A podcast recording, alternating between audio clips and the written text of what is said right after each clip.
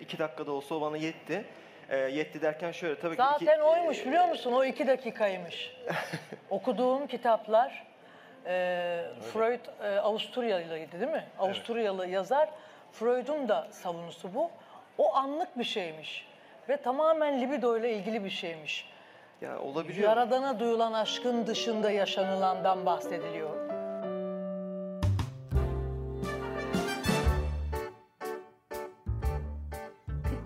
W'nun podcast özel ilk yayınından hepinize merhabalar. Ben Necla Aydın, İstanbul Tıp Fakültesi'nde 4. sınıf öğrencisiyim. İlk serimizi psikanaliz üzerine hazırlamak istedik ve bu seride bana Dilara Zengince eşlik edecek. Merhaba Dilara, nasılsın? Bize biraz kendinden bahsedebilir misin? E, merhaba Necla, teşekkür ederim. Sen nasılsın? ben de iyiyim, teşekkür ederim. İnceliksiz geçemezdim. İstanbul Tıp Fakültesi'nde intern doktorum aslında. E, uzmanlıkta da psikiyatri düşünüyorum inşallah olursa. İnşallah. E, buraya da niyet bırakmış olalım. e, işte ilgi alanlarım var. Psikiyatriyle, felsefeyle ilgiliyim. Böyle birazcık sanat tarihi vesaire böyle gezmeyi, müzeleri falan severim. Müzikle uğraşıyorum bir yandan. Hmm, Enstrüman falan mı çalıyorsun? E, evet, kanun çalıyorum. Ha, çok güzel. Söylüyorum. Böyle şeyler. Çok güzel Dilara. Kolay gelsin diyorum o zaman. intern doktor olmak çok kolay olmasın gerek. Teşekkür ederim. Sağ olasın. o zaman birazcık e, psikanaliz üzerinden konuya giriş yapmak gerekirse. Psikanaliz deyince zaten direkt aklımıza Freud geldiği için. Psikanaliz nasıl bir ortamda doğmuştur? Aslında nedir? Freud kimdir? Bize biraz bunlardan başlayarak anlatabilir misin? Ee, tabii ki. Ee, psikanaliz, psikoanalisis. Aslında antik Yunan'da e, sanırım kökleri. Ee, psühe ruh demek. Ee, gerçi bugün psikoloji tam olarak hani ruh var mı yok mu emin değil ama e, en azından antik Yunan'da böyle bir e, eminlik vardı diyebilirim. E, analiz de e, çözümlemek anlamına geliyor. Yani bir bütünü belirli parçalara ayırarak anlamaya çalışmak demek aslında. Bir matematik terimi. Analiz etmek diye kullanıyoruz Hı hı, zaten. Aynen Evet. kullanıyoruz ama hani mesela çözümleme e, ruhu çözümlerken de hani gerçekten parçalara ayırarak analitik bir yöntemle gidiyor. Böyle Hı hı. daha hani benzetmeler değil de e, ayırma, analiz Hı. kullanıldığı için böyle biraz daha e, açıklayayım dedim. Evet. Zihni analiz etme, ruhu analiz etme. Gibi evet yani. aynen. Ee, peki ne zaman çıkmış ortaya? Nasıl bir çevrede ortaya çıkmış? Ee, Kim ortaya atmış yani psikanaliz? Freud ortaya atıyor. E, 1856'da doğuyor sanırım. Kendisi bir nörolog. Hı hı. E, çünkü bugünkü gibi psikiyatri diye ayrı bir alan yok o zamanlar. E, nöroloji e, var tıpta hani doktor olursa. Hı hı. O da daha ziyade böyle işte nöbetler, sarı nöbeti falan duymuşsunuzdur. Böyle hastalıklarla ilgileniyor aslında. E, fakat e, belirli hastalıklar var. E, psikiyatriyle işte iç içe geçmiş falan filan. Geleceğiz zaten birazdan. E, Anna O'dan bahsedebilirim. Belki onlardan bahsetmek için. Bir vaka örneği değil mi? Ana Ha, evet evet. Aslında psikanalizin ilk uygulandığı vakalardan bir tanesi. Ana e, aslında Freud'un hastası değil galiba ilk etapta. E, aynen. E, Freud'un hocası Breuer'ın hastası Hı hı. aslında. E, bir histeri vakası. Histeri nedir? Bu az önce bahsettiğim e, nöroloji nöbetlerine benzeyen fakat e, mesela biz şöyle anlatayım. Nörolojide şöyle bir şey vardır. Diyelim ki hastanın sağ kolu ve sağ bacağı tutmuyorsa ve işte yüzünün belirli yerlerinde bir sıkıntı yoksa biz deriz ki beyninin işte şu seviyesinde şu tarafta bir problem vardır ki burası etkilenmiş gibi tahlil yapabiliriz yani. Ki hala bunu kullanıyor nörologlar. Yani fizik muayeneyle pek çok şey yapılabilir bugün içinde. E, fakat histerinin şöyle bir özelliği var. Beynin herhangi bir organik kısmındaki patolojiye delalet etmiyor. Mesela Anna O'da e, bir sabah kalktığında görmüyor ve koku almıyor. Böyle uyanıyor.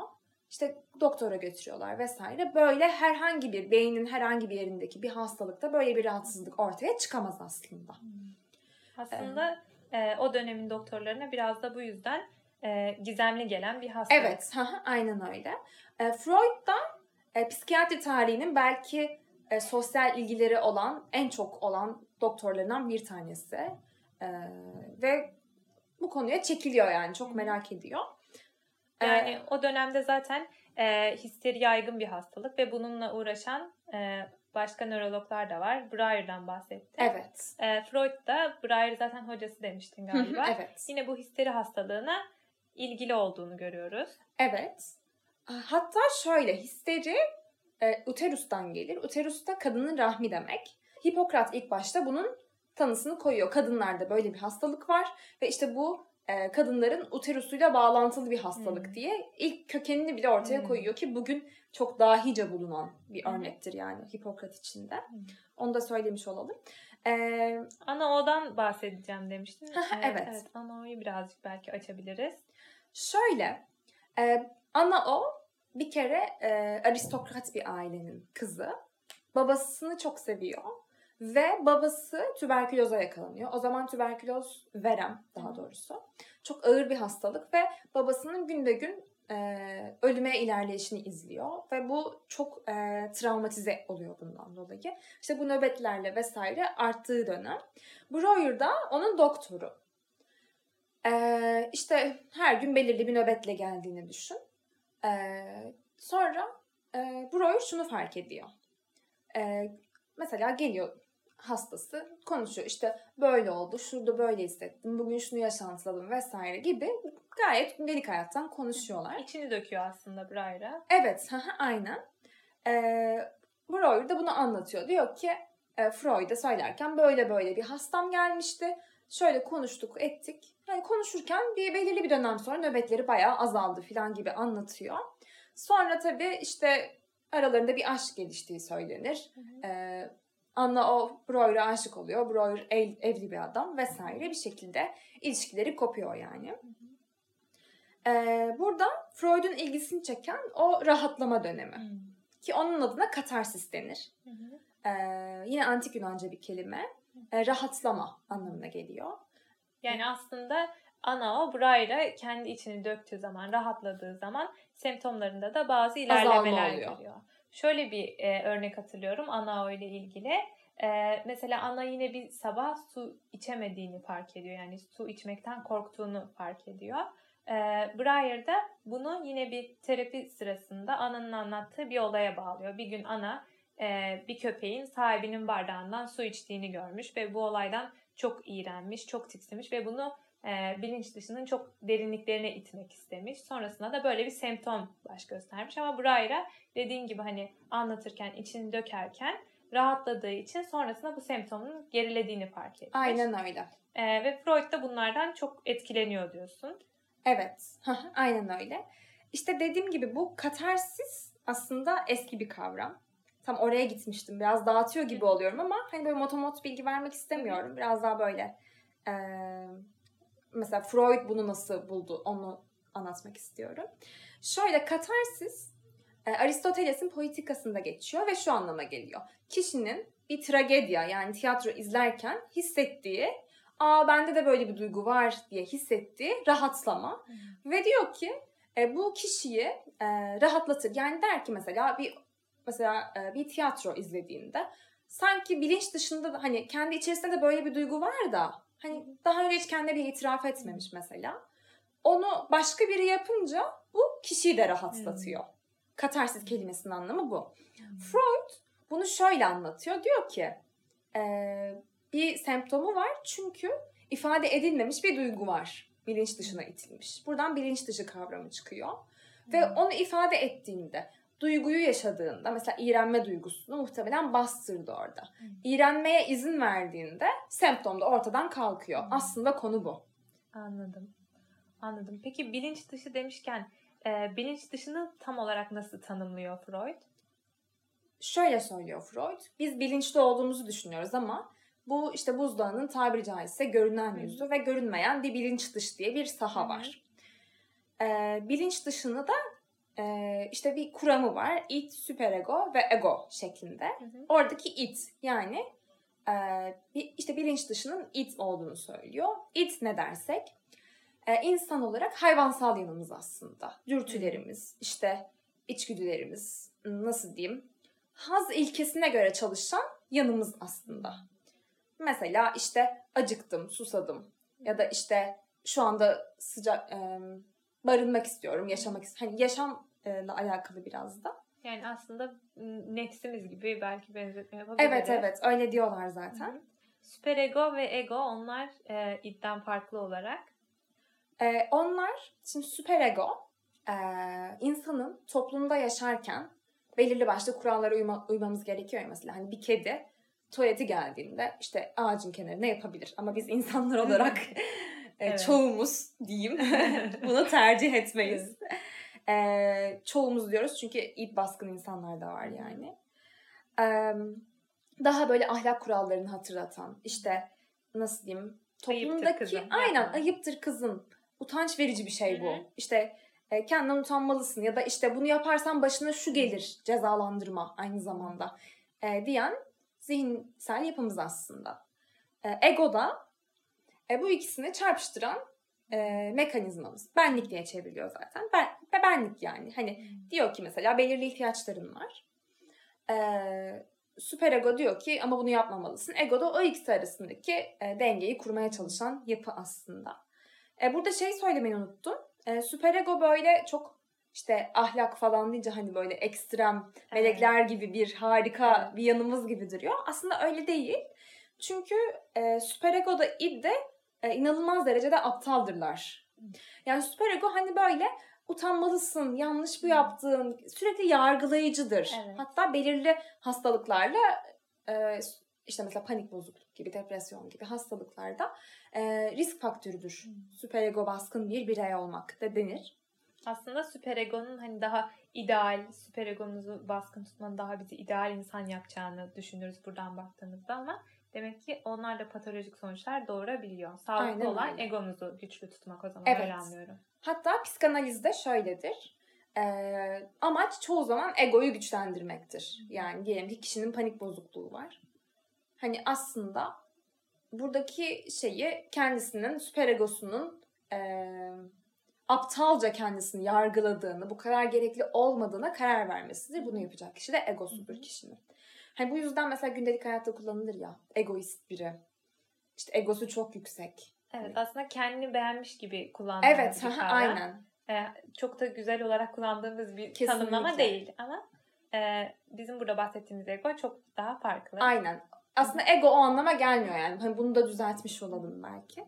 Ee, ya Freud'un aslında bu kadar önemsenmesinin, e, bu kadar nasıl diyeyim, sürekli hani herkesin bildiği belki tek psikiyatrist bile olabilir. Çok Olmasın- ses getiren evet. var aslında. Olmasının sebebi çok iyi terapi yapması değil. Hı hı. Freud dünyaya yeni bir fikir getiriyor aslında. O da şu. Aklınız başınızda değil tabiri caizse. Mesela diyoruz ki işte atıyorum bilmem kimle evlenmek istiyorum çünkü çok güzel veya işte çok yetenekli, çok başarılı, onu onun için seviyorum dediğinde aslında işte bu senin küçük yaştaki şu çatışmana işaret ediyor olabilir. Belki sen bunun farkında bile değilsin ee, gibi bir e, kuşku ortaya bırakıyor. Aslında sandığımız kadar kontrolün bizde olmadığını. Evet, söylüyor. aynen. Hatta tam tersi. Hı hı. e, kontrolün ipten geldiğini söylüyor. Ve bu o zaman için çok e, Uçuk farklı bir bir fikir, fikir. evet. Çünkü e, aydınlanma sonrası yani Avrupa'yı düşündüğünde böyle bilimin işte o e, fedailerinin çıktığı işte Galileler Hı hı. Ondan Daha sonra aynen o düşünce hakim. E, tabii bu yavaş yavaş kırılıyor. İşte Darwin vesaire ortaya geliyor diyor ki hani insanız böyle aydınlandık çok iyiyiz falan. De ama diyor yani aslında hayvandan geldik falan gibi tabiri caizse çok da özel değiliz. İşte Kopernik Evet. var mesela ondan önce. İşte mesela Hristiyanlıkta e, dünya çevresindedir her şey işte. Mesela der ki güneş dünyanın çevresinde dönüyorken Kopernik diyor ki mesela e, yo yani biz de herhangi bir gezegeniz. Onu buluyor. Hani bu şey oluyor bu üçten bu üçü o kadar da matah bir şeyimiz yok aslında. Herhangi bir türüz belki de. Rastgele burada doğduk. İşte nereden geldiğimiz e, konusunda çok özel değil. Bütün ha- işte canlılar gibi bir yerden geldik. Hatta onlar onlarla aynı hani içgüdü hayvanlarla ortak yanımız demiştim ya. Hı hı. Freud diyor ki onlarla aslında aynı Evet. e, davranış motivasyonuna sahibiz diyor. Böyle bir fikir, bu üç fikir aslında çok fazla şeyi değiştiriyor diyebilirim. Evet. Biraz felsefeye de girmiş olduk ama. Evet. Yani Kopernik'inki fiziksel, e, belki Darwin'inki biyolojik. Evet. ama Freud'inki de daha zihinsel anlamda Evet diyebiliriz. evet. Hı, Aynen öyle. E, burada küçük bir örnek vermek istiyorum. E, Tarkovski'nin Stalker filmiyle İngilizcesi. E, belki bilenler vardır. E, o filminde mesela bir tane bölge vardı. Filmde işte Stalker'ın amacı insanları bölgeye götürmek ve oradaki bir odaya götürmek. Odanın da şöyle bir özelliği var. Odaya girenler e, en büyük isteklerini öğreniyorlar. Sonra film boyunca işte tabii Tarkovski zaten çok ince ince, çok detaycı bir yönetmen. İşte pek çok e, bun- bunlardan bir tanesi yazar, bir tanesi bilim insanı, bir tanesi işte stalker falan. Bu aralarında diyaloglar falan filan neyse çok girmek istemiyorum. Orada e, üçü de kapıya gir- geliyorlar. Hatta yazar böyle biraz daha ileriden gidiyor, daha cesaretli. Hani o yanına vurgulamış filan. Ve üçü de duruyorlar.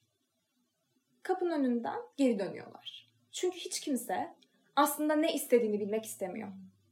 Aslında psikanalizin de Freud'un da söylediği şey bu. Yani biz ne istediğimizi belki de bilmek istemiyor olabiliriz. Yani derin arzularımız aslında bizi korkutuyor. Aynen öyle. Belki de mesela çok yüce bir şey yaptığını zannediyorsun ama belki Hı hı. çok küçük bir Evet. e, hesap ve Hı hı. bilmiyorum yani hani çok böyle daha düşük bir hedefin Evet. peşindesin belki de. Sadece bilinmek istediği için belki de Evet. bir mesela diyorlar ki e, narsist bozukluk için söylerler. Sadece sevilmek istediği için kim bilir neler yapıyor. İşte ne e, mesela edebiyat metinleri yazıyor. Ne işte yerlere geliyor. Nobel alıyor belki ama aslında arzu çok Evet. şey olabilir falan gibi bir fikir ortaya koyuyor daha doğrusu. Filmde izlemek isteyenler bu yanıyla bakabilirler. Evet, Zaten çok öneririm. psikanalitik bir filmdir. Yani aslında Freud'un e, daha önce de senin söylediğin gibi buzdağının görünmeyen kısmından yani arzularımızdan e, korktuğumuzu dile getiriyor. evet. E, ve buzdağının aslında görünen kısmını biz diri tutmaya çalışıyoruz ve bilincimizle yaşadığımıza kendimizi inandırmaya çalışıyoruz. Evet. Aynen Peki o zaman bu noktada e, şunu sorabilirim. Bilinç dışı dediğimiz kavram yani buzdağının görünmeyen kısmı e, biz sağlıklı insanlarda nasıl işliyor? Yani e, biz gerçekten istemediğimiz arzularımızı, hislerimizi bilinç dışına baskılayabiliyor muyuz? Yoksa e, bunun nasıl dışa vurumları oluyor bizim kendi hayatımızda? Ee, şimdi şöyle, ee, bunu sağlıklı bir şekilde yapmaya zaten savunma mekanizmaları diyoruz. Yani işte bilincin farkına vardıktan sonra ee, belirli mekanizmaları var savunmak için. Bunlardan bahsedeceğiz zaten. Hı hı. Hatta bir sonraki bölümde galiba. Evet. İşte bunun patolojik olması, yapılamaması da nevrozları ortaya koyuyor. Hı. Aslında zaten Histeri hastalığı. Evet, Bulgusu. histeri dediğimiz şey nevroz Hı hı. aslında. Yani bu arzunun bastırılamamasının Hmm. ortaya koyduğu e, patoloji aslında. Anladım. Patolojik olarak bu şekilde ortaya Hı, çıkıyor. Patolojik olması. Ee, peki rüyalardan bahsedeceğiz dedik ya da e, dil sürçmesi gibi aslında bizim fark etmeden bilinç dışımızın e, açığa çıktığı noktalar nere, nereler oluyor? E, bu da aslında Freud'un ortaya çıkış e, nasıl diyeyim? Aslında Freud'un e, bu bilinç dışı tezini. Çünkü yani sonuçta bilinçli yaşıyoruz. E, biz bilinçli yaşıyorsak ve bilinç dışımızın farkında değilsek o zaman Freud nereden biliyor yani ona hani vahiy mi gelmiş yani tabiri caizse hani e, hani okey değil, farkında değilsek sen niye farkındasın? Hı hı. Hani farkın mı var? E, Freud çok küçük yaşından itibaren rüyalarını yazıyormuş. Hmm. Böyle bir ilgisi var. Ve belirli bir yerden sonra bunların bir anlama geldiğini ikna oluyor. Ve aslında e, bilincin sustuğu anlar diye geçiyor. Rüyalar bunlardan bir tanesi. Onun söylediğine göre. Yani biz rüyalarda tamamen arzularımızı, motivasyonlarımızı bir kere deneyimleriz. Uyandıktan sonra da onları bilincimiz unutturur bize Anladım. şeklinde. Dil sürçmeleri de bunlardan bir tanesi. Mesela işte hatta böyle filmlerde olur. Ee, işte adam tam evlilik konuşmasında der ki atıyorum e, Necla ile evlenmek istiyor musun? O da der ki Ayşe ile evlenmek istiyorum diye bağırır. Aa orada bir kavga çıkar falan. Aslında baskıladığı şeyi kendi kendine itiraf etmiş. Ha, aynen demek ki Ayşe'yi seviyormuş Evet. falan gibisinden. Filmlerde bunun esprisini hani döner e, bayağı bir. Gerçekten de Freud diyor ki öyle dediyse o vardır. Ya, Hı. bu anlamlıdır yani. Evet. Gibi bir, bir şey ortaya atıyor aslında. Evet galiba e, Freud'un böyle bir örneği vardı. E, bir aile tam hatırlamıyorum ama bir aile çocuğuyla birlikte bir papazın evine gidecekler. E, ama papazın burnu çok büyük ve çok çirkin ve bu herkes tarafından konuşulan bir şey. Belki hatırladın şu an. E, herkes tarafından çok konuşulan bir şey.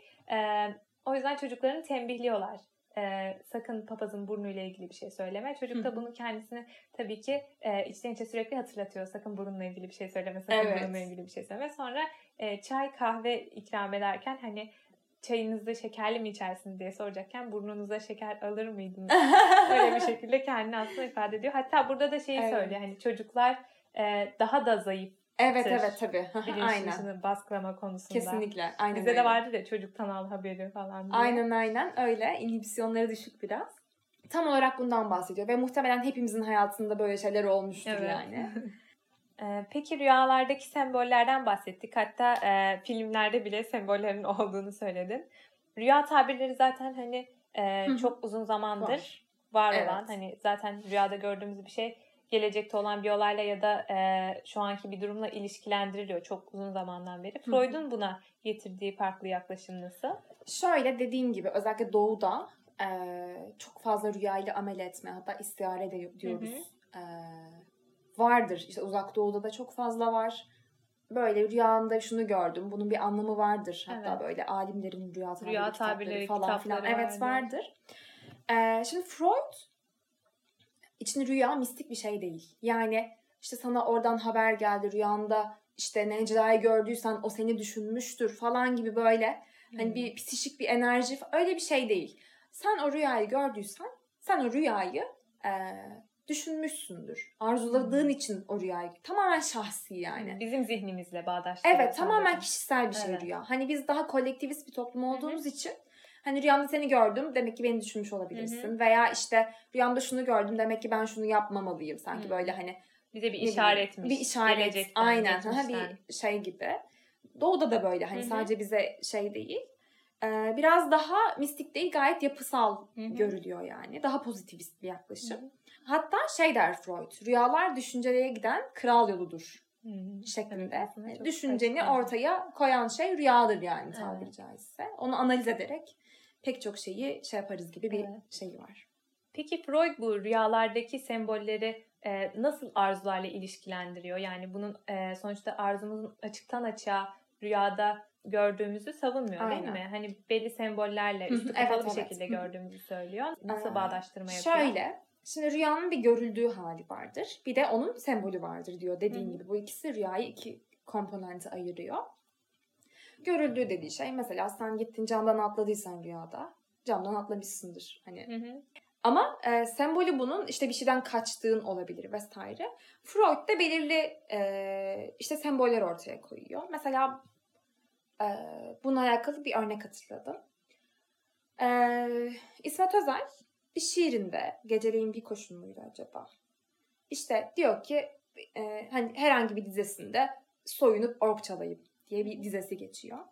Ondan yıllar sonra psikanaliz literatürünü okuyor. İşte Freud'u vesaire, rüyalara e, yorumunu vesaire okuyor.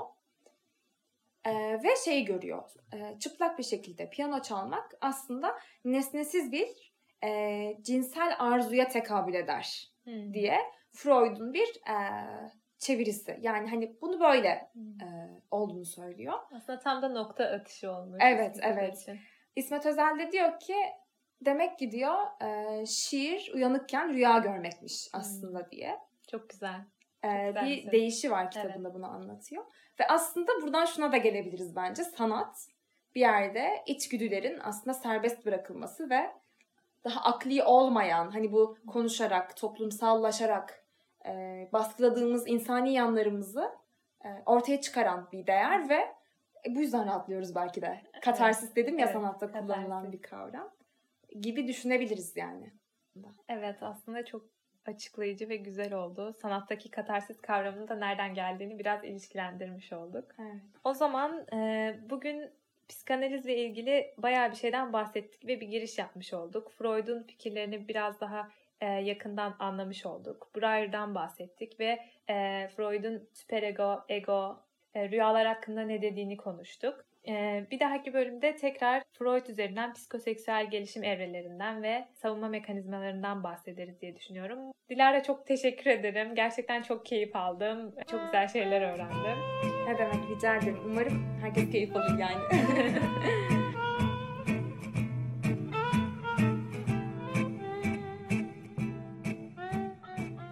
Stay tuned to listen to our next episode.